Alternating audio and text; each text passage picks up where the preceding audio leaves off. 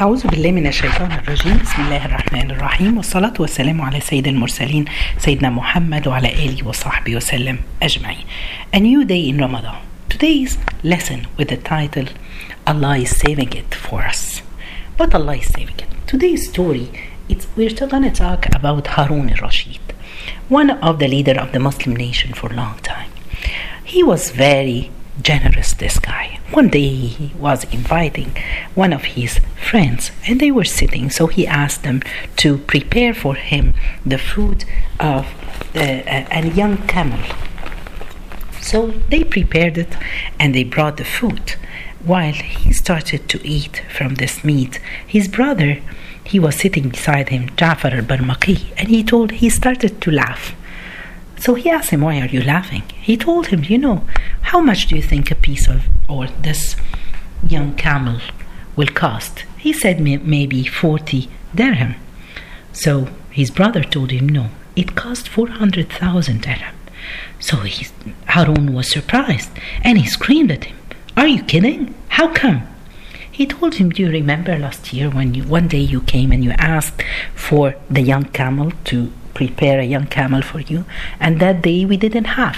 So since that, I asked them to have every time a ready young camel. So we slaughtered every day a young camel. So till now it cost us 400,000 dirham. So he got so upset. Harun and he cried and he left home. He went to the mosque praying, asking Allah to forgive him for all this. And then he decided to give a charity of 2 million for the poor people in Baghdad, in Iraq, and then to donate 2 million dirham for the people in Mecca and Medina. Then, when he came back, he was so upset. He found the judge Abu Yusuf. So Abu Yusuf asked him, Why are you so upset? He told him, Because so and so it cost that much. So uh, the judge Yus, Abu Yusuf, he asked his brother of Harun al-Rashid and he asked him, what did you used to do? Did you use, after you slaughtered the young camels every day, you throw them the meat? He said, no. We donated for the needy people.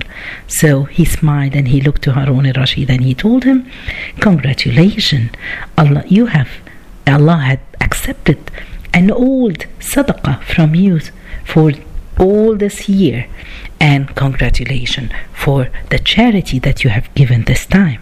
So Harun felt comfortable and that he said, and I will give you a present for you as a 400,000 dirham. Subhanallah. Just be generous. Now we are in Ramadan. We should give for the sake of Allah. This is the month of Ramadan with all our hearts, we want to please Allah subhanahu wa ta'ala. So this is the time to start opening a bank account with Allah subhanahu with your charity, with your giving, with your helping people. At the time of Prophet Musa, a man and his wife, they were very poor. So they went to Prophet Musa and they asked him, Can you ask Allah to make us rich? So they, he asked Allah for them. Then Allah told him, Tell them that I'm going to make them be rich for just one year. So they were so happy, and Allah started to give them. They were very good and smart people. They decided to help people while they are rich. So they built a home and they chose a place where they can they built the home and they where people traveling coming to their city it's on the way other people coming to the city and coming out to the, from the city. And they opened seven doors at this from every single road where people they can come. And they were so generous with them. They feed them, they make them sleep at their home. They were so nice. And then subhanallah after the year passed, Prophet Musa he found them still rich. So he asked Allah subhanahu wa ta'ala. Then Allah answered him and he said, I opened for them just one door of provision of rizq and they open seven doors of rizq for other people and I'm shy to close this for them. So whatever you give, it's in in the hand of Allah. Allah will give it back to you.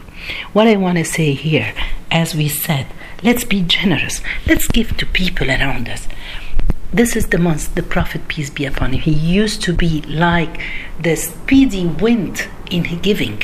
Let's give to Allah subhanahu wa ta'ala for the sake. Everything will stay there. Talha ibn Ubaidillah, one day he came home and he had 100,000 dirham. He was a very rich man. He went and he wasn't happy. He told his wife that I feel that I'm afraid when I die and Allah subhanahu wa ta'ala will ask me about those money. So the, the nice and the smart wife, what did she do? She told him, okay, let's divide the, mo- the money to and distribute it to the needy people. And they stayed the whole day distributing the money. And then at the end they said, Alhamdulillah, that made us to see him when we meet him, we're ready to die and we don't have anything, so Allah asks us for. Layth ibn Sa'd, his income, annual income, it was 400,000 dirham, and he never had to pay the zakat. Do you know why? Because he never saved money that he needs to give the zakat. Oh. Zayn al-Abidin al-Hasan ibn Ali, he used to help people. It's not always by money. He used to buy every um, rice, sugar, and food and go during the night. No one saw him while he was doing distributing and leaving the food in front of the door of each family. After he passed away, no one, it stopped, no one uh, brought for them this kind of food and people when they were washing him before they bury him they found the marks on his shoulder because he used to carry all these things where are we with compared with those people. Let's go. This is Ramadan. One time, Umar, Abdullah ibn Umar ibn al-Khattab, he always remembered this verse, this verse in the Quran that Allah subhanahu wa ta'ala, that you will not, you will not get what Allah will give you till you give from what you love giving from what you love. This is a very important. One day he was walking, he was riding on his camel, and he looked at the camel and he liked it. So he came down from the camel and he said, stopped, and he looked for someone to give it to him. An old man was coming, and he gave it to him. He told him, "Go and ride this one. It's for you." Now, as I said, it's Ramadan. Let's be generous. Give whatever you have. You don't have just to give money. Give food make people happy give a smile as a charity uh, helping people even to carry something or to bring something to your parents that's a kind of sadaqah you're doing a good thing just for the sake of allah let's build open our bank account in paradise inshallah from now prepare yourself جزاكم الله خير سبحانك اللهم بحمدك أشهد أن لا إله إلا أنت استغفرك وأتوب إليك